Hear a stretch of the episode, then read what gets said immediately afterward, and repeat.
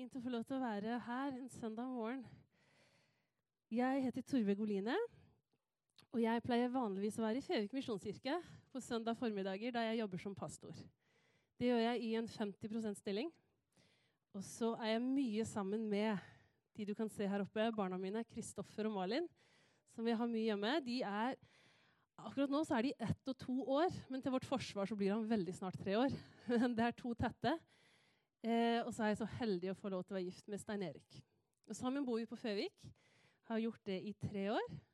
Og så har jeg før, da, i min ungdom, vært sammen med mange her inne i Salem misjonsmenighet. Og jeg har vært så heldig å ha Stein som pastor en tid, så jeg vet hvor heldig dere er med det. Og så er det mange kjente ansikter. Jeg er egentlig fra Kristiansand, ser du. Fra den bydelen som snakker sånn her. Eh, men oppvokst i utlandet, så da fikk jeg med meg en litt sånn rar dialekt på kjøpet. Og som Kjetil nevnte, så har jeg da eh, gått masterstudie på Ansgarskolen i praktisk teologi. Og der skulle vi skrive en avhandling, og det skulle ta oss to år. Og da kjente jeg at da må jeg i hvert fall skrive om noe som er engasjerende, og som ikke blir en skrivebordsuksess. Og da hadde jeg etter fem års eh, bibelskolelærerskap i Philadelphia og Oslo oppdaga hvor mange unge som bare lengta etter voksenkontakt. Og så ble min sånn innfallsvinkel dette med åndelige foreldre. Kanskje et litt sånn klamt begrep, og nettopp derfor hadde jeg lyst til å finne mer ut av det. Så jeg skrev en master, og jeg var mye rundt og snakka i menigheter og i sammenhenger om det. Og Derfor ble det også en bok eh, som kom for to år siden, om åndelige foreldre. Eh, og kanskje vil du, eh, som mange andre, si 'åndelige foreldre'. Hvem er det hun snakker til? Det er i hvert fall ikke meg. Og eh, jeg hadde i arbeidet med boka eh, lyst til å finne ut av hva sier folk om det å være åndelige foreldre, eller det å ha åndelige foreldre. Så som du ser videre, så snakka jeg med ni unge mennesker om hva de tenkte om begrepet. Og jeg tenkte at ni er jo ikke et veldig stort utvalg. Eh, de var alle mellom 25 og 33 år i en sånn etableringsfase, bodde midt i Oslo og levde livet. Og de var så utrolig unisone. De bare Ja, det vil vi ha! Og så var de tydelige på at de ikke ville ha mentorer og coacher og mentale trenere, men de hadde lyst på åndelige foreldre. Kanskje nettopp fordi de hadde reist hjemmefra, savna litt foreldre, men hadde lyst på noen andre enn sine egne. Og så hadde de lyst på familierelasjonen inn i dette med å gi det videre, som dere snakker om for tiden. Og når jeg skrev bok, så ble det også et intervju med fire forskjellige mennesker som på sin måte levde dette. Som hadde åpna døra si. Noen hadde bare lagt nøkkelen under matta og sagt fra. Hos oss kan du alltid komme. Hos eh, Einar på lista så kunne du komme og mekke bil. Og hvis du ikke kunne dra hjem den kvelden fordi du har hatt en litt dårlig lørdagskveld, så kunne du få lov til å sove hos han. Og så har du Ingrid Eskilt, som er veileder og lærer på Ansgarskolen. Som også har et kontor hvor mange har fått opplevd morskap. Men hva er da åndelige foreldre? Noen syns denne åndelige begrepet er litt sånn klamt, og det ikke er noe de helt kjenner seg igjen i. Så jeg lagde en definisjon som skulle være så brei og vid at mange kunne finne seg igjen i den. Og den er sånn at Med åndelige foreldre så menes personer som på ulikt vis velger å vise omsorg og gi veiledning om tro og om liv. Og dette kan skje uavhengig av sivilstatus, av alder og om du har egne barn. Så her tror jeg at aldersgrensa er lav og høy for om Gud kan bruke deg i livet til noen som er yngre enn deg. Og Noe av det som trigga mitt arbeid med dette, var en sånn undersøkelse jeg leste da jeg jobba i Misjonskirka Ung. Den var fra USA. Og vi tenker vi skal ta alt med noen klype salt som kommer fra over there. De hadde intervjua over 65 000 unge mennesker. Alle hadde vært aktive i kristent barne- og ungdomsarbeid, BT-kirka, speider, dratt på leirer. Og nå var de bikka 20, hadde ofte flytta hjemmefra, de fleste av de. De var i en sånn etableringsfase. Og så viste det seg at mellom 60 og 70% av disse ikke lenger gikk i menighet. Og det er da vi har lyst til å ta med den klypen med salt. Men sannheten er at vi i Norge og i Europa er enda mer sekularisert enn USA. Så når jeg ser for meg konfirmasjonsbildet mitt, når jeg ser for meg den gjengen vi var i ungdomsarbeidet, så er jeg redd for at noen av de samme tallene er også her i Norge. Og det har liksom min hjertesak vært Kan åndelige foreldre være dørvaktene i bakdøra? For vi har veldig breie inngangsdører til barne- og ungdomsarbeidet. Alle skal med. Og så har vi kanskje ikke vært nok opptatt av at bakdørene også har stått vi åpne, og så mange har forsvunnet. Han kritiske som bare stilte for mange spørsmål i konfirmasjonsundervisninga til en litt for ung og usikker konfirmantleder som til slutt bare Da slutter vi å ta spørsmål, dere. Eller hun som bare alltid lagde drama. Og det var en pain når hun skulle være med på tur, for det var så mye konflikt. Og egentlig så var hun bare så sulten på kjærlighet. Og når hun ble for mye for ungdomsmiljøet, så forsvant hun til et annet sted for å lete etter kjærlighet. Og så har jeg tenkt på, Tenk om noen godt voksne kunne tatt imot han kritisk og sagt ja, akkurat de spørsmåla jeg har hatt, de tåler vi. Ta, bli med hjem, sitt i sofaen, så prater vi om dette. Eller tenk om noen kunne sett henne som var så sulten på kjærlighet, og tilbudt igjen kanskje en sofa, eller å få lov til å være en del av en familie og få den kjærligheten hun trengte. For uansett eh, ja, Videre i den undersøkelsen så sa de da som en, som en årsak til at ikke de lenger valgte å være menighetsaktive selv, noen mente at de også hadde en tro som levde utenfor menighetslivet. Men i det lange løp så trenger vi hverandre. Men de sa at de hadde vokst opp i kristne familier eller en kristen sammenheng. Men veldig få hadde opplevd å snakke om tro hjemme. Få hadde lært seg Fader vår utenat før de lærte å snakke. Ikke alle hadde sett bibelgruppepraksis hjemme. Og ikke minst ikke alle hadde opplevd at det var ålreit å snakke om dette med tro og tvil. Og Det ble veldig bekrefta for meg når jeg var bibelskolelærer. Og vi hadde mange som kom fra sånn, også sørlandske gode kristne hjem, og som ikke ante når mamma og pappa ble frelst, eller hvorfor, eller hvordan. Og som kunne kjenne at det var ganske krevende å hjem på juleferie. Og når de ble spurt liksom rundt ribba deg, åssen er det på bibelskole da? Så vokste liksom maten i munnen. For hva skal jeg si? Hvordan skal jeg fortelle om det som har skjedd inni meg? Det har vi ikke språk for her i familien. Og Tallene er igjen fra denne undersøkelsen, men jeg tror de er litt representative. At vi syns det kan være vanskelig å gi det videre i vår egen familie. Det kan være lettere å stå her med en mikrofon enn å sitte rundt middagsbordet og foreslå skal vi be. Skal vi snakke om det vi hørte om i kirka i dag? Og jeg var et sted hvor en eh, mann som hadde tre tenåringsbarn sjøl, hadde begynt å bli leder i ungdomsarbeidet. Han var som en sånn voksen og hadde tenkt å holde seg mest på kjøkkenet. Men så hadde ungdommene liksom begynt nei, sett deg med oss, og så ville de prate med ham. vet du.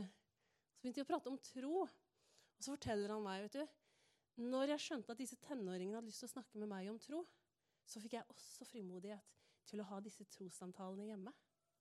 Så skjønte jeg plutselig at jeg må jo være en åndelig far hjemme også. Og det er noe av det jeg skal snakke om. Forsøke å ufarliggjøre hvordan vi både kan være, bety noe for de som ikke er våre egne barn, men også fordi vi er betrodd i vårt eget hjem.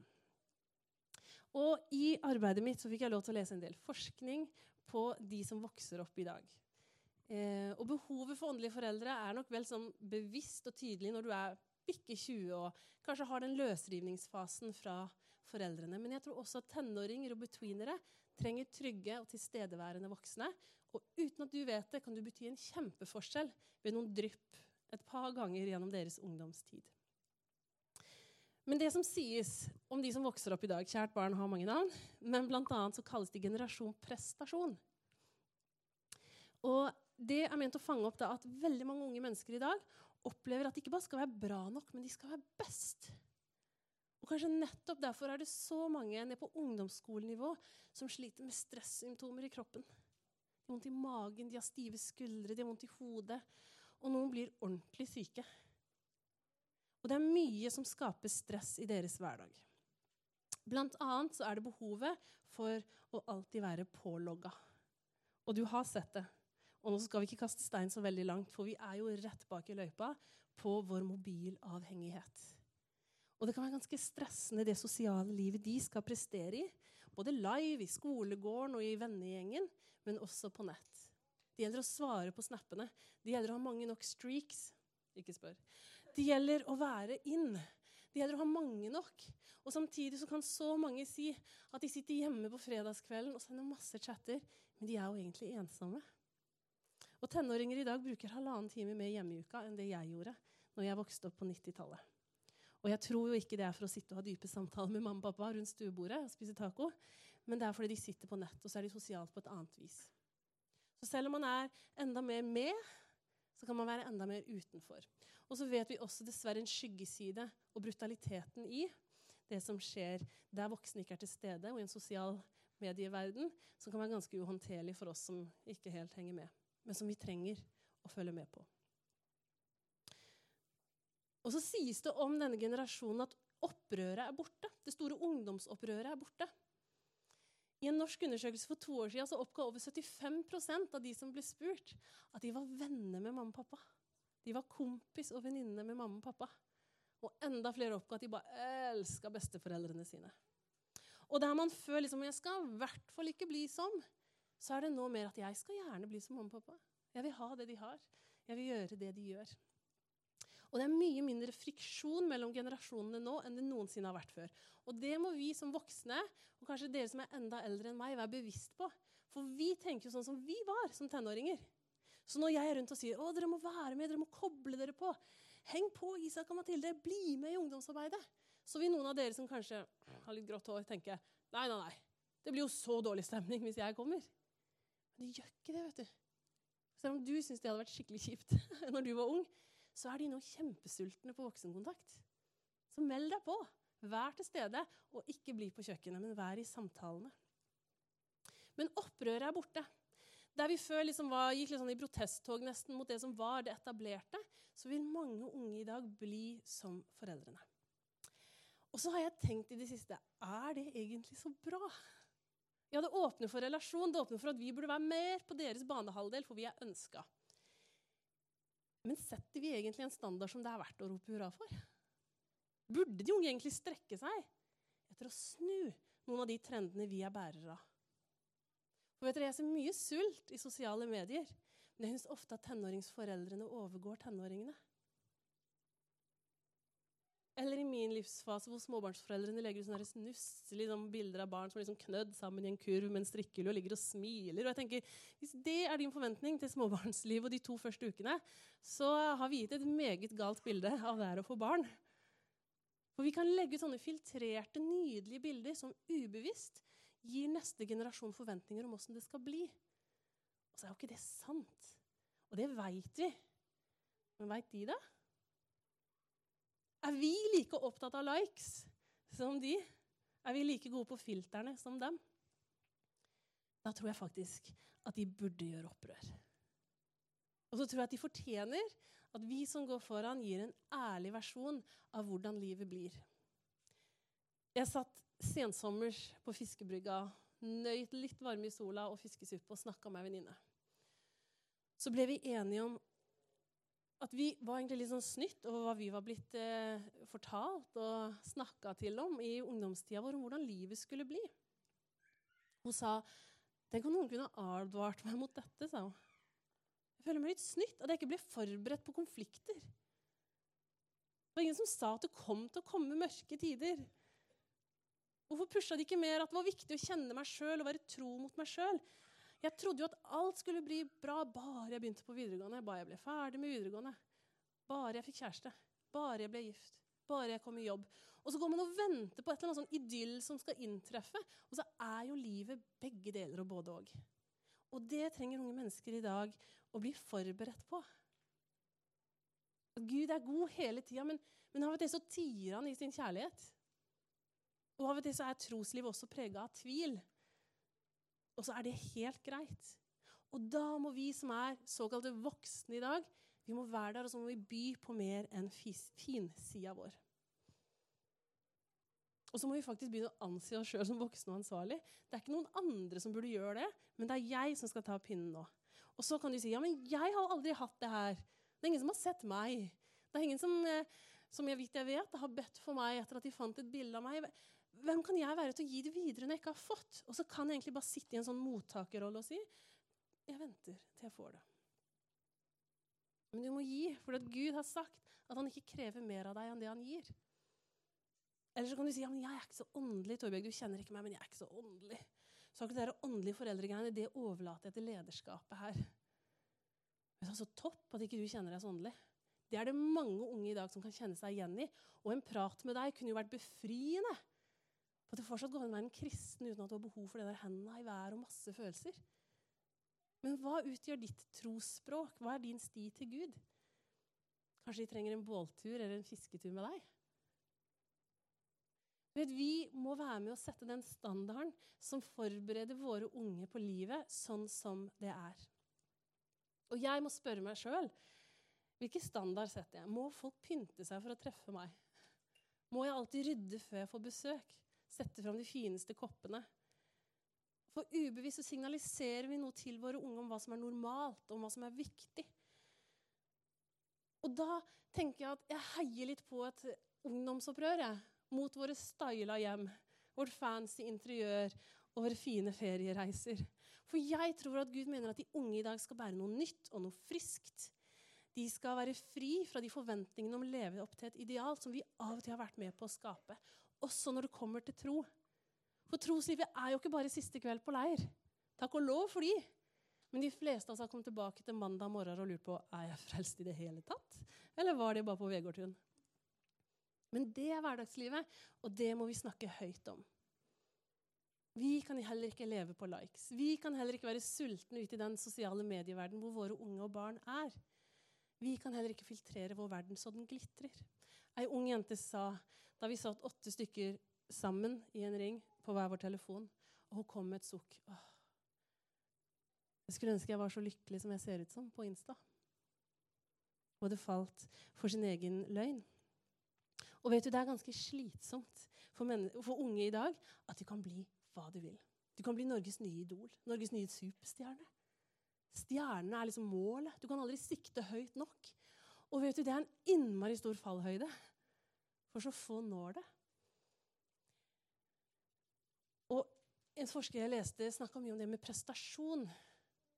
At du, hvis du bare blir bekrefta på prestasjon istedenfor den du er, så skaper vi slitne og ulykkelige unge mennesker. Hun sier, og bare hør etter Hvorfor føler disse unge menneskene et slikt voldsomt indre press om å lykkes? Når foreldrene angivelig bare ønsker at de skal være lykkelige. Hun fortsetter. Jeg tror at roskulturen har mye av skylda. Den roskulturen som fremhever prestasjon istedenfor person. At vi hele tida må si at 'så flink du er til å spille fotball', det er ManU neste. Istedenfor at vi kunne snakke om så gøy det ser ut som dere har det. Så bra lag. Dere passer på hverandre. Dere, dere har det gøy. Eller om vi må legge ut bilde av de fine cupcakesene og si ah, 'Norges neste superbaker'. Eller fokusere på du så koselig det var å være sammen med deg litt. Fikk vi cupcakes på kjøpet. Men jeg liker å være sammen med deg. For det kan være skjønt når det er barn, og vi driver og skryter og skryter over hvor flinke de er til alt mulig.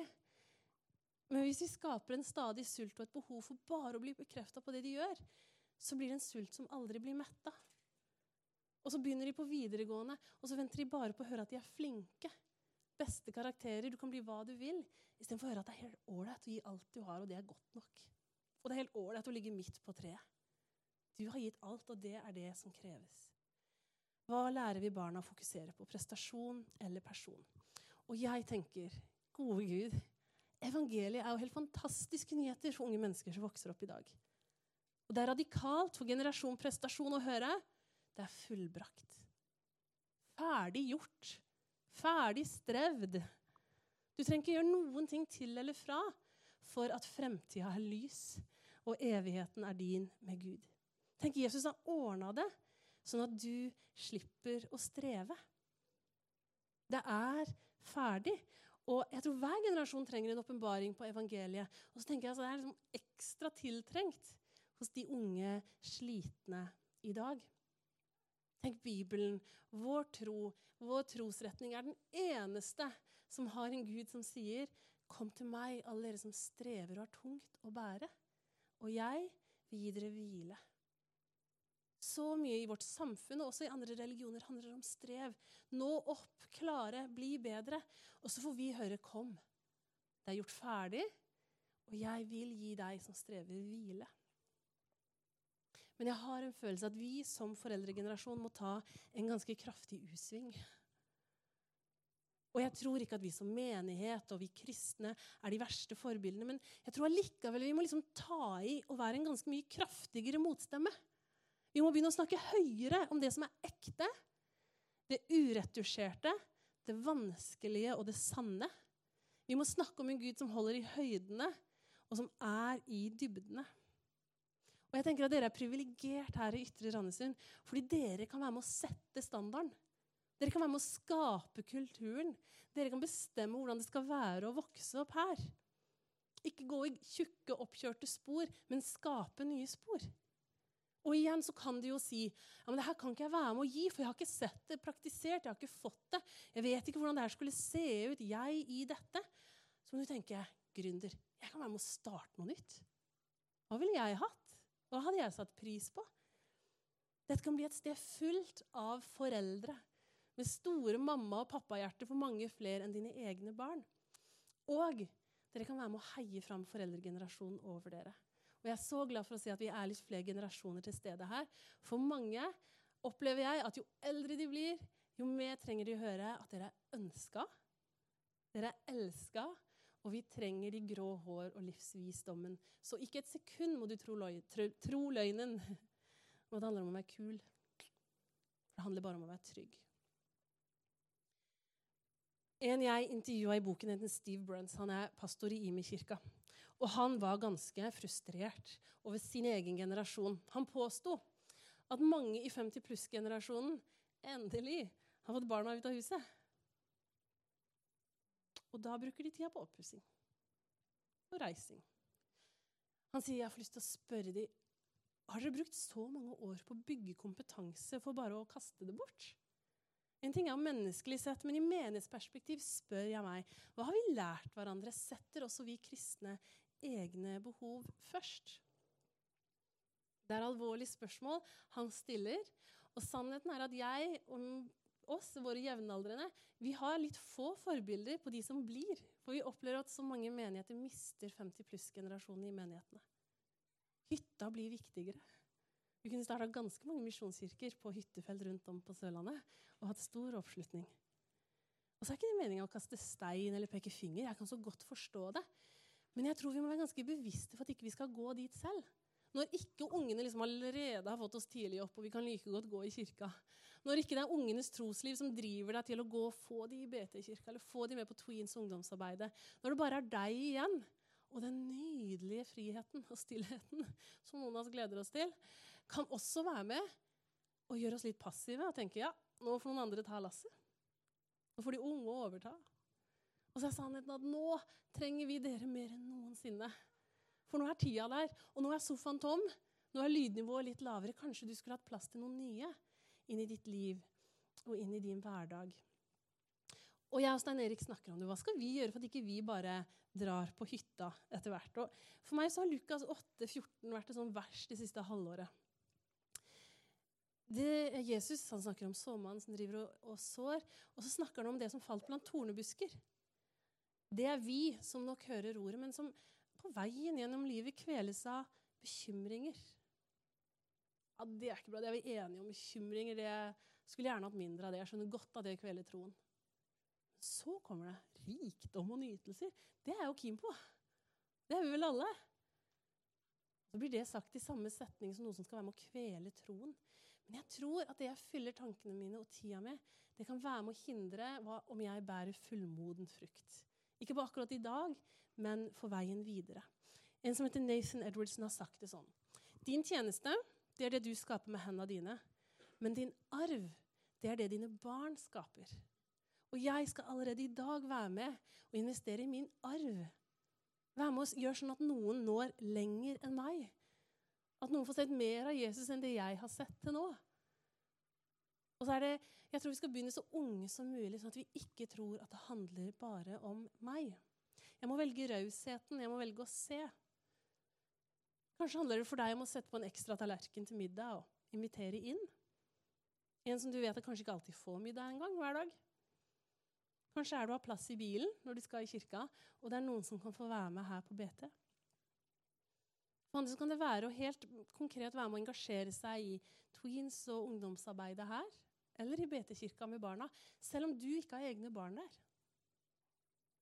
Og så tenker jeg dette er min arv. Jeg skal være med å investere i at den blir stor. Og så kan du være en forelder, en trygg person, som at uten at du veit det betyr en kjempeforskjell, så står det en dag en dame eller en mann og leder et møte et helt annet sted og nevner ditt navn fordi du var med å be, og du var med å se.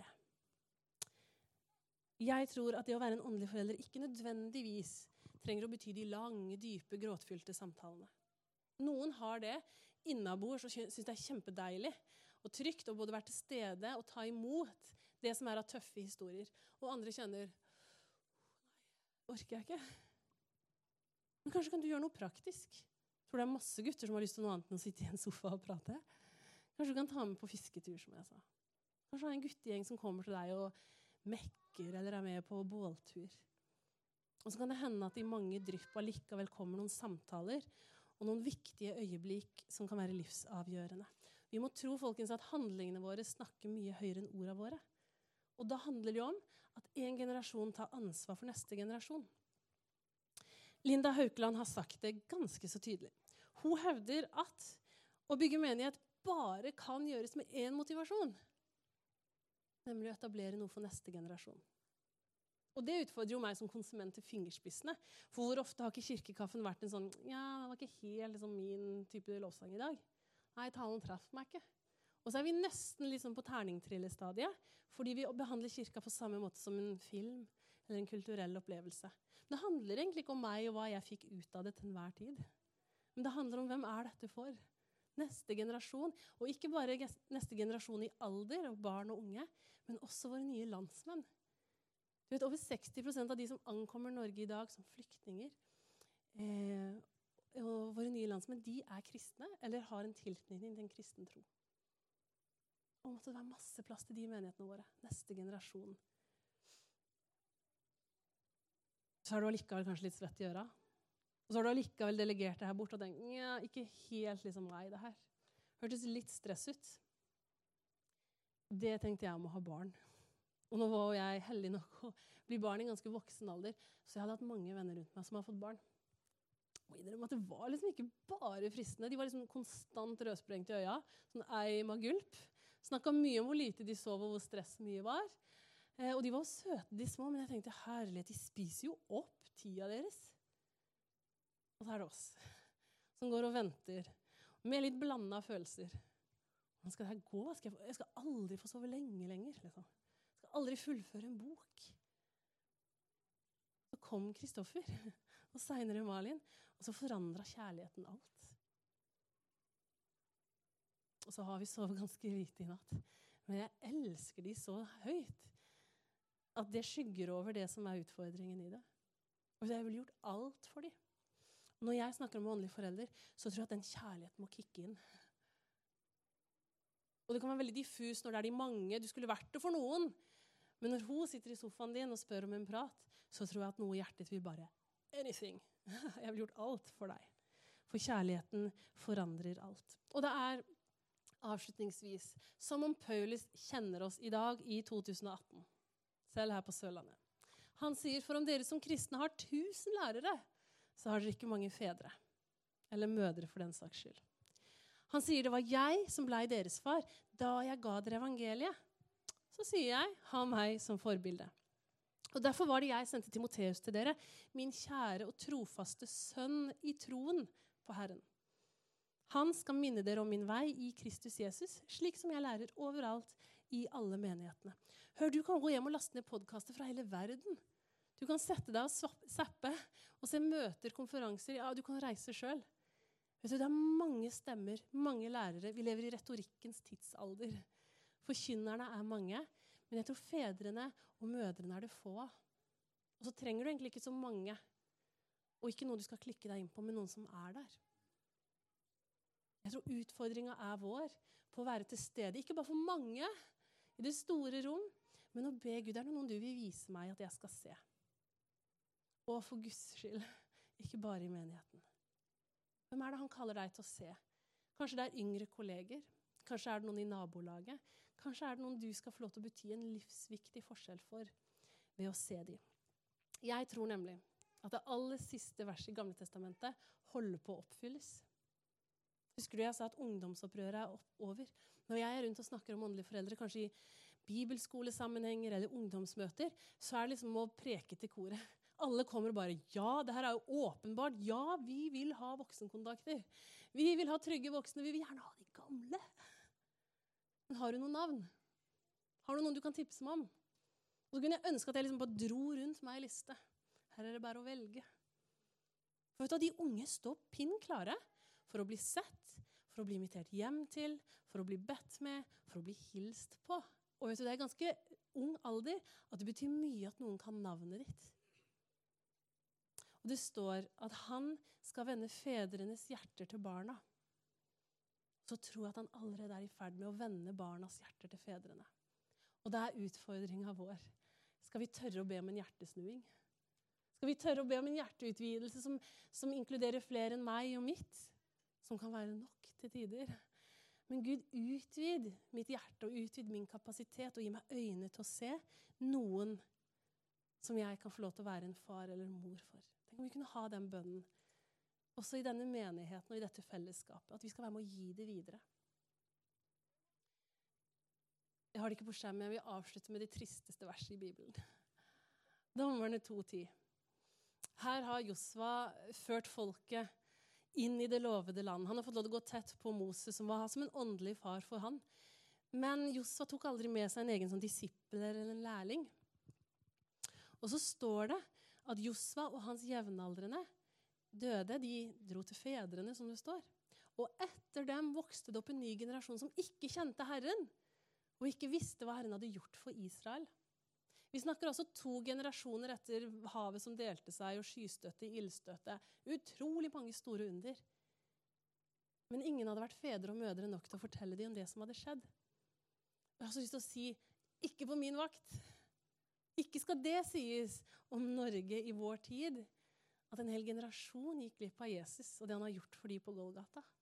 Og det er fedrenes og mødrenes ansvar å gi det videre. Tar du utfordringa?